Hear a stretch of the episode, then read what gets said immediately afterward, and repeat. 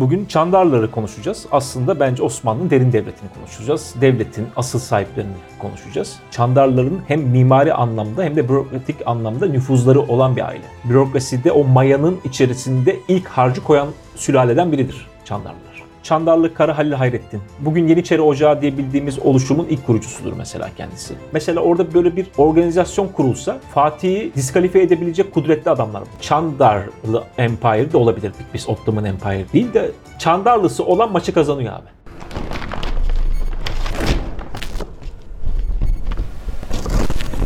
Osmanlı Beyliği'nin kuruluş dönemi aslında birbirinden enteresan hikayelerin yaşandığı, birbirinden enteresan olayların yaşandığı bir dönem. Aslında Anadolu'nun Moğol istilasıyla beraber girdiği fetret dönemi, bu tabiri burada kullansak çok yanlış olmaz diye düşünüyorum değil mi? Osmanlı'nın kurulduğu dönemde de Anadolu'da bir fetret devri var. Bir karmaşa var. 1826'ya kadar imparatorluk fetret abi. Tamamı mı fetret Yani diyorsun? hep, hep, hep saltanat karışıklıkları, saltanat çoklukları ve boşlukları var. Dolayısıyla tarihte hiçbir beis yok. Bence. Hiç bitmiyor yani. Ha. Şu şekilde girmek lazım sevgili Samet aslında. Osmanlı İmparatorluğu bir beylik olarak ilk başta kurulduğunda aslında Anadolu'da pek çok benzerinin olduğu küçük aşiretlerin toparlanmasıyla oluşmuş bir yer. Yani aslında Osman ailesi kayı boyu diye hepimizin tanımladığı kayı boyu benim gördüğüm ya da tarihten okuduğum kadarıyla Orta Asya'dan başlayan göçlerde sen buradan çık yola git Anadolu'ya bir devlet kur diye çıkmadı. Bu da kardeş boylardan bir tanesiydi. Eyvallah. Değil mi? Doğru. Pek çok kardeş boy vardı, pek çok Türk boyu vardı.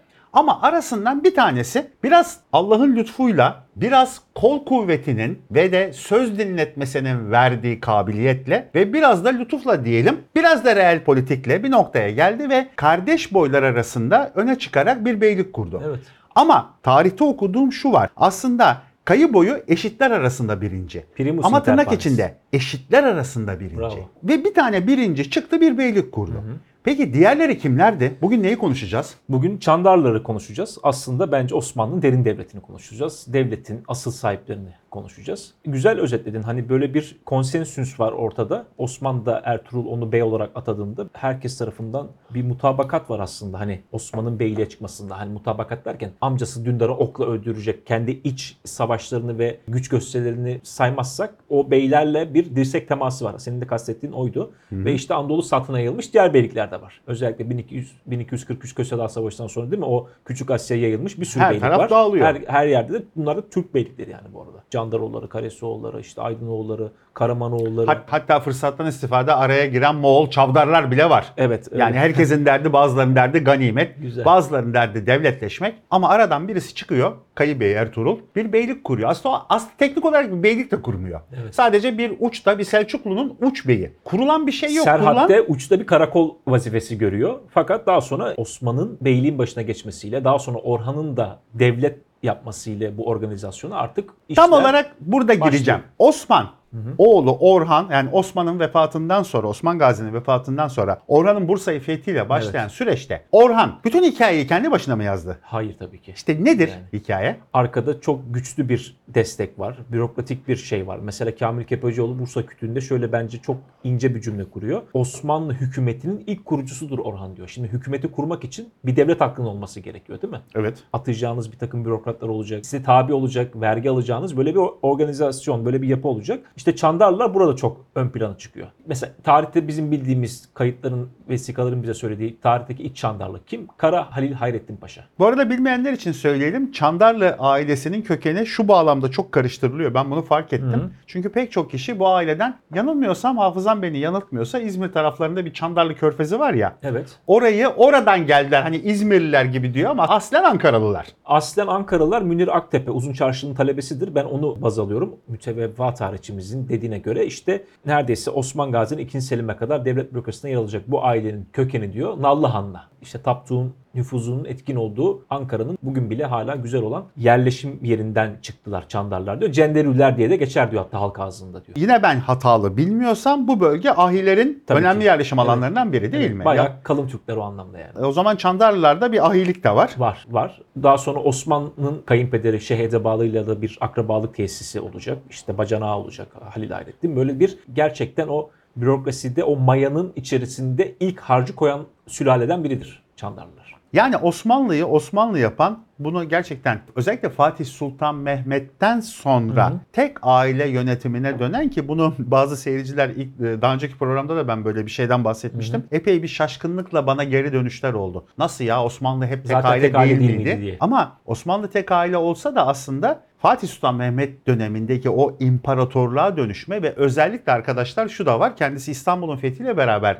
kendisini yeni Roma Kayseri yani yeni Roma İmparatoru olarak ilan ettikten sonra imparator ortaklık kaldırmaz. Evet. Kesin. Bu bir triumvia ya da Roma'nın bir döneminde kullanılan üçlü yönetimli bir cumhuriyet sistemi değil. değil. tabii ki. Bu tek, Ve- tek adamlık yani. Tek adamlıktır ve birden fazla imparator olmaz. Ama biz şunu görüyoruz ki Osmanlı'nın ki bence Osmanlı'nın özellikle yükseliş dönemi üzerinde diziler yapılan, çok üzerine vurgulanan bir dönem olmasına rağmen aslında Osmanlı'nın bilinmeyen en derin kısmı Osmanlı'nın kuruluş dönemi. Evet. Yani bir devleti nasıl kuruldu? O zaman şöyle başlayalım abi. Çandarlı Kara Halil Hayrettin kimdir? Bugün Yeniçeri Ocağı diye bildiğimiz oluşumun ilk kurucusudur mesela kendisi. İznik'teki Yeşil Cami bilirsin genelde. Meşhur Yeşil Cami. Genelde şeyle çok karıştırılır. Çelebi Mehmet'in yaptırdığı Hacı İvaz Paşa'nın mimarı olduğu Bursa'daki Yeşil Külliyesi'yle çok karıştırılır. O değil. Bu ilk Osmanlı'nın Yeşil Camisidir. Böyle bir şey var. Çandarların hem mimari anlamda hem de bürokratik anlamda nüfuzları olan bir aile. Daha sonra tabi babadan oğula hep böyle Osmanoğulları padişah oluyorlar. Bunlar da bir şekilde devleti dizayn eden kadroların aslında kendi sultanları oluyorlar. Sen az önce de ifade ettiğin gibi Fatih döneminde de şimdi böyle bir artık kriz ortaya çıkacak. Ama biz hemen 6. Osmanlı Padişahı 2. Murat dönemine gidelim. 1444 Varna seferinde Çandarlı Halil Murad'ı ordu komutanı olarak tayin ediyor. Doğru mu? Evet. Ve tahtta kim var? 2. Mehmet var. Ama aslında tahtta Çandarlılar var. Aslında tahtta Çandarlılar var. Bak demin adını andım. Münir Aktepe yine şöyle bir cümle kuruyor. İkinci Murat vefat ettiğinde oğlunu Manisa'dan Edirne'ye çağırdığında 16 gün devleti tam yetkiyle yönetti diyor.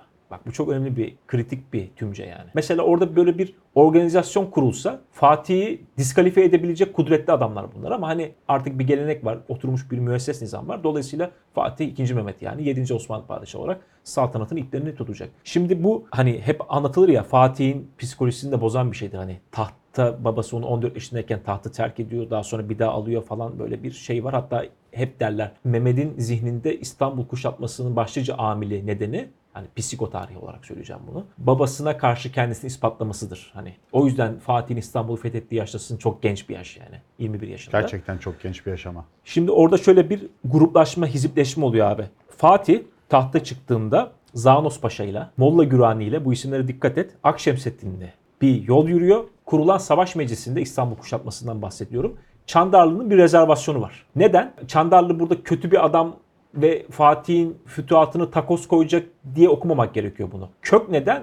1402 Ankara Savaşı sonrası Emir Timur'un Yıldırım'ı kafeslemesi. Yani diyor ki biz şimdi Balkan paktını oluşturduk. 1444 Varna, 1448 2. Kosova ile biz Rumeli'ne banko yerleştik. Fakat hani İstanbul bizim üzerimize tekrar yürürse biz burayı fethedemezsek bu sefer Rumeli'ni de kaybedebiliriz diye bir denge unsuru olarak kuşatmayı kaldırmasını söylüyor. Tabii kuşatmayı kaldırması demek aslında 2. Mehmet'in otoritesine karşı da bir muhalefet. Hani sen dedin ya devletin asıl sahibi olduğunu gösteriyor kendisinin. Bir şekilde Evet.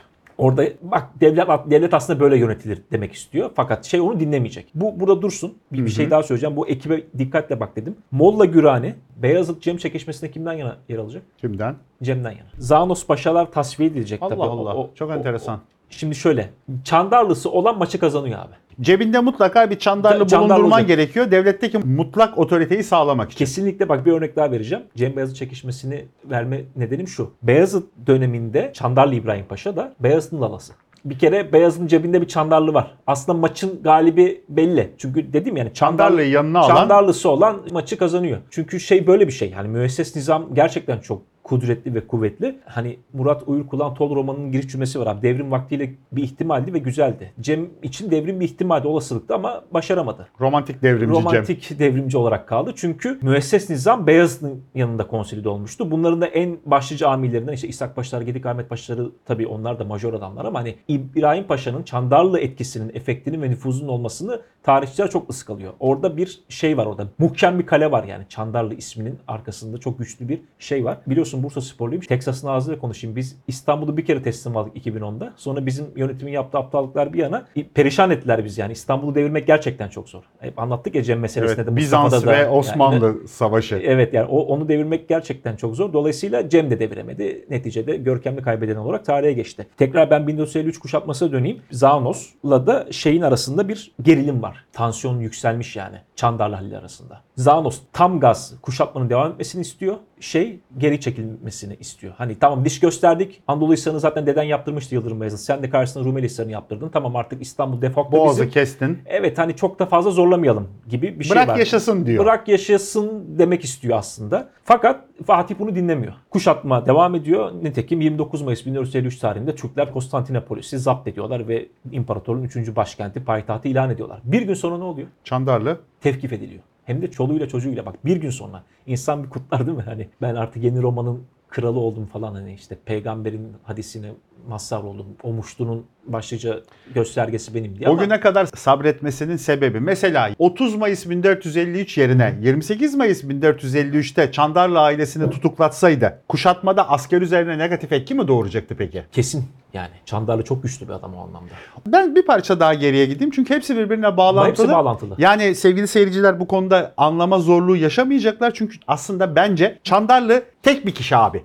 Güzel. Yani Çandarlı bir tane figür. Dolayısıyla Kara Halil'den Normal Halil, İbrahim Paşa derken aslında Çandarlı net bir devlet aklının bence ete kemiğe bürünmüş hali. Güzel söyledin. Dolayısıyla Çandarlı dediğimizde hangi Çandarlı'dan bahsediyorsun diye sormanın bir anlamı yok. Çandarlılılık diye bir şey var. Hani Alaaddin derler ya Sultan Selçuklu zamanında. Heh. Bir Alaaddin'dir aslında o. Bir tane üç ama birden fazla rağmen. değil. Hepsi aynı. Aynı Burada Alaaddin. da Çandarlı, Çandarlı ete kemiğe bürünmüş hali. Ben şu şekilde okumak istiyorum. Tahmin ediyorum ki ütopik bir senaryo, bir vadif yapıyorum şu an belki. Ama Osmanlı kurulurken bir üst akıl, hani o Kurtlar Vadisi seyircisinin çok sevdiği tarzda konuşalım. İhtiyarlar var ya Evet. ki realde öyle bir şey yok burada söylemiş olayım. İhtiyarlar dediğimiz bir grubun var olduğunu hayal edin. Ya bir, Hı hı. bir e, tahayyül oyunu yapalım. Bir akıl diyor ki ey Ali Osman, ey Ertuğrul soyu sen git savaş cenk et, sen devletin sınırlarını geliştir. Ey Ali Çandar sen devlet kur, nizamı kur, orduyu kur, düzeni kur. İkiniz birbirinizi yemeyin. Ne zamana kadar? Bu iki Osmanlı'nın paralel iki yapılanması aslında. Evet. Devletin başı savaş kolu, devletin nizam kolu ikisi beraber ilerliyorlar. Ta ki yolları 1452'de kesişiyor galiba tekrar. Zıtlaşma babında kesişiyor. Çok güzel söyledin. Çünkü orada devlet haklı diyor ki bir dur Fatih bir sakin ol ya. Bir yavaş. Konstantinopolis'i tutmak bir denge. Denge. O, o Konstantinopolis bana orada kukla olarak lazım. Çok güzel söyledin. Hatta o zaman ben biraz da bu tahayyül ettiğin senaryoyu biraz daha reale indireyim. 1446 sizin orada Edirne'de Buçuktepe isyanı çıkacak. İlk Evet. Yeniçeri isyanı. Zaten Yeniçeri ocağını kuranlar Çandarlı Halil'in dedeleri. Halil Hayrettin. Tamam mı? Niye isyan edecekler? Bu, bu bir tezgah. Fatih'e karşı, 2. Mehmet'e karşı yapılan Diş mi bu. gösteriyor? Babasının tekrar tahta çıkması adına yapılan bir numara yani. Dolayısıyla Yani aslında koskoca Yeniçeri Ro- Ocağı buçuk e, akçeye kalmış durumda değil. O kadar küçük hesap değil. yapacak Orada adam değiller. padişah değiştirip Çandarlı kendi nüfuzunu Mazeret arıyorlar kendi yani. nüfuzunu etkin hale getirecek. Yani check balans, rot balans yapan Çandarlı devlette. Lafı dolaştırmadan, eğip bükmeden net bir şey soruyorum. Çandarlısın, empati yap. Niye Osmanoğlu'nu yıkmıyorsun kardeşim? Niye tahta sen çıkmıyorsun? Senin neyin eksik Osmanoğlu'ndan? Orada da bana işte bunu anlat. Max Weber gibi karizmatik lider diye hani böyle bir şeyin arkasına sığınabiliriz. Çünkü hani Çandarlı Empire'de olabilirdik biz Ottoman Empire değil de Çandarlı'nın Ali Çandar dedin ya belki öyle bir şeyin içerisinde bulunacaktık ama orada da işte tarihin tesadüfü ya da kader denk noktasında Osman diye bir adam çıkıyor. Gerçekten çok karizmatik ve çok akıllı bir adam. Ertuğrul'un yetiştirdiği en büyük komando yani şey olarak söylüyorum bunu. Ya Osman Gazi net bir şekilde Os- Osmanlı'nı kurma kısmını bir tarafa koyacak olursak muazzam derecede karizmatik ve neredeyse dünyaya bir devlet kurmak için gönderilmiş bir adam. Bazı liderler böyle abi. Karizmatik yani. Ya karizmatik şey Mustafa. Kemal gibi yani. Onu tam lafı ağzıma aldım. Milli mücadelede Kazım Karabekir az adam mı? Tabii. İsmet Paşa az adam mı? Fevzi Paşa az Bunları adam çöpe mı? mi atacağız? Refet Beleler değil mi? Şey Celal Bayarlar bunlar az komutan değil. Bunlar da siyasi anlamda çok yetkin adamlar. Nüfuzlu adamlar. Karabekir değil mi? Kolordu'nun babası Peki. yani. Fakat Mustafa Kemal Paşa'da toplanıyor bütün o karizma. Konunun bağlamından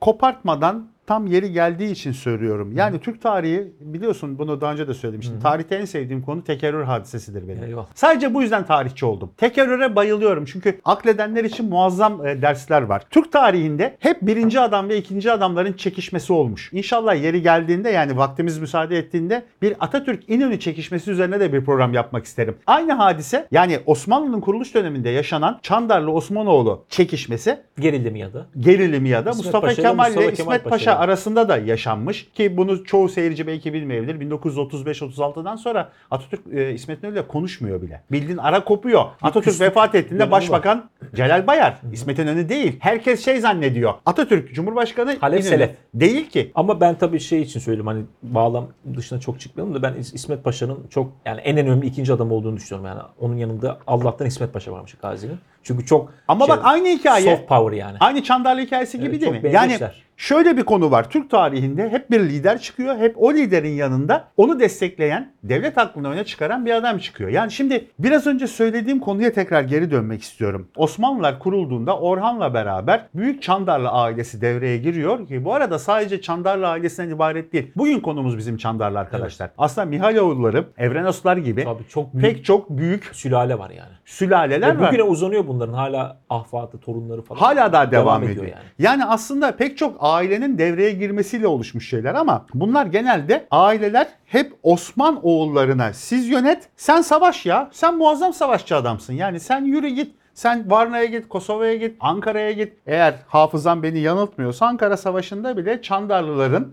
devlet aklını devreye sokarak Muhalefeti var. Onu? Muhalefeti de var. Aynı zamanda Süleyman, Emir Süleyman'ı yani Süleyman Çelebi'yi tabii ki bu Mevlüt Han olan değil. Çelebi Süleyman dediğimiz aslında Sultan 1. Süleyman olarak bence sa- Öyle zaten. sayılması gereken Öyle zaten. kişiyi Fetret Devri'nin ilk büyük hükümdarını savaş meydanından alıp devletin temelini yine kurtaran yine Çandarlılar olmuş. Çandarlıların o şey dediğin gibi devlet aklı. Bu arada Süleyman Çelebi'yi andık. Yıldırım'ın oğlu Süleyman Çelebi'den bahsediyorum. Emir Süleyman'dan, Büyük Ağabey'den. Edirne Eski Cami onun zamanında yapılıyor. Bir küçük tevatür de Çandarlılar zamanında caminin inşaatına başlandığını söylüyor. Hani dedim ya Can, Çandarlılar gerçekten o anlamda hem mimari olarak hem bürokraside çok etkin bir aile. Ha, bu arada şeyi de anlatayım. Bu Zanos Paşa, Akşemseddin, Molla Gürani bir ekip var dikkat et demiştim. Cem Beyazıt çekişmesinde bir tane Beyazıt'ın çandarlısı var cebinde. O orada dursun.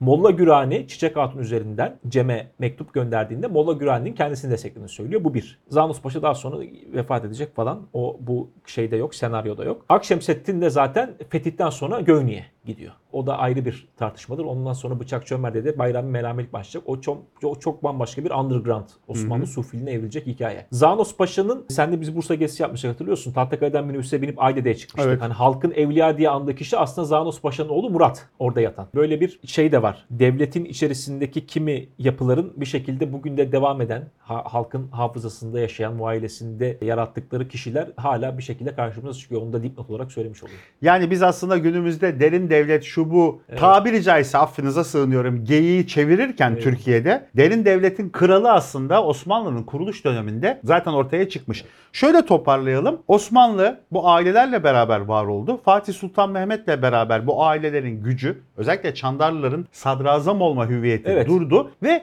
şuna dikkat çekmek istiyorum. Fatih Çandarlı'yı kırdıktan sonra hani eski tabirle kırdı geçti derler ya aslında kırma budur. Çandarlı'yı kırdıktan sonra yerine getirdiği sadrazamlar artık ufak ufak devşirmeye doğru dönüyor. Evet. Yani Türk etkisini devletten kırma, kırarak aslında Fatih neyi hedefliyor acaba? Bunu hep çok merak etmişimdir. Evet o da başka bir şeyde e, soru işareti olarak kalsın. Hani imparatorluk vizyonu hikayesi orada başlıyor herhalde. Tam olarak imparatorluk vizyonu herhalde. Çünkü bir devleti var etmek istiyorsan muhtemeldir ki şöyle bir spot cümleyle aslında bu konuyu bağlamak gerekir. Osmanlı Fatih Sultan Mehmet'e kadar bir Türk devletiyken Fatih Sultan Mehmet'le beraber pek çok milletin hem halk olarak, teba olarak hem de yönetiminde söz sahibi olduğu bir imparatorluğa dönüştü. Eyvallah. Yani evet bu çok tarihte de tartışılan bir konu. Bunu konuşalım bir başka bir vadifte. Son toparlamayı şöyle yapalım. Hani Çandarlar derin devlet dedik. Bir de onların bir başkent olması gerekiyor. Evet. Neresi orası biliyor musun? Neresi? İznik. Bütün Çandarlı sülalesi İznik'te yatar. Şunu hep merak etmişim. O yüzden Osmanlı İznik'e çok bakmamıştır. Hatta Hamer, ben onu Türkçe'de e, yayına da hazırlamıştım. Hamer Seyahatnamesi diye de basıldı. Hamer bile şaşkın 19. yüzyılın başlarına geliyor. Bu hiç bakılmamış, çok bakımsız bir şehir falan diyor. Çünkü bilerek bakılmıyor o şehre. Çünkü Çandarlar orada uyuyor. Yani Osmanlı bilerek İznik'i güdük bıraktı. Bir Bursa kadar parlak değil mesela. Ama aslında teknik olarak bunu söylemek lazım. İznik yani Nikea kenti aslında teknik olarak Bursa'nın çok daha üzerinde bir yer. Evet yani bazı Yani sadece Hristiyanlık açısından. tarihi açısından. olmakla beraber yani stratejik konumu düşünsene daha önce Anadolu Selçuklulara başkentlik Başkent yapmış bir yapıyor, yer. evet. Ama konsilin toplandığı yer falan yani. ama şu an günümüzde Bursa'da Orhan Gazi ilçesinden pek bir farkı olmayan büyüklükte. Sadece muhiplerinin çok sevdiği bir yer. Yani İznik'i İznik'i bilenler seviyor. Evet. Ama sen diyorsun ki ben öyle bir çıkarım yapıyorum. Osmanlı Çandarlı'nın orayı kendine de facto başkent olarak kullandığı için Bundan- Osmanlı orayı yok saydı. Evet çok da görmezden geldi yani. Şimdi diyecekler ki o zaman ilk medrese niye orada açılıyor? O zamanlar daha iş, ilişkiler iyi. Ben Fatih döneminden sonra bahsediyorum. Ama o zaman orada Nilüfer faktörü var. Nilüfer faktörü var, başka daha bir sürü bileşkeler var. Ben 1453 kuşatmasından sonra Çandarlı'nın tasfiyesinden sonraki hikayeyi anlatıyorum. Yani. Peki 1453 sonrası Çandarlı tasfiye edildi. Devlet kanadında son izi de 2. Beyazıt döneminde kısa bir sadrazamlıkla beraber. çocuklarını, ser- çocukların mallarını falan veriyor. Hani o müsaade ediliyor malları Çandarlı Halil'in. İkinci Beyazıt dedim ya zaten cebinde bir Çandarlısıyla yola çıkıyor. O da kendi iktidarını tesis etmek ve temin etmek için. Fakat Beyazıt'la biraz daha tekrar o suhulet sağlanmış oluyor. Cem zaten o yüzden tahta çıkamıyor. Özellikle 2. Beyazıt dönemiyle beraber devletteki etkisi kırılan Çandarlılar ne yazık ki aslında başka bir vadif konusu haline geliyor. Devlet Türk kökenli ailelerin desteğiyle Türk kökenli sadrazamlarla gitse ne olurdu? Devşirme sadrazamlarla gitti. Devlet neticede 1922'de yıkıldı. Acaba Türk koalisyonuyla devam etse acaba Osmanlı'nın sonu nasıl bir hale gelirdi? Bunu artık başka bir programda konuşalım çünkü süremizin çok üzerine çıktık. Efendim bir başka bölümde yine sizlerle karşı karşıya olacağız. Ters köşe birbirinden ilginç konularla sizlerle olmaya devam ediyor. Görüşmek üzere.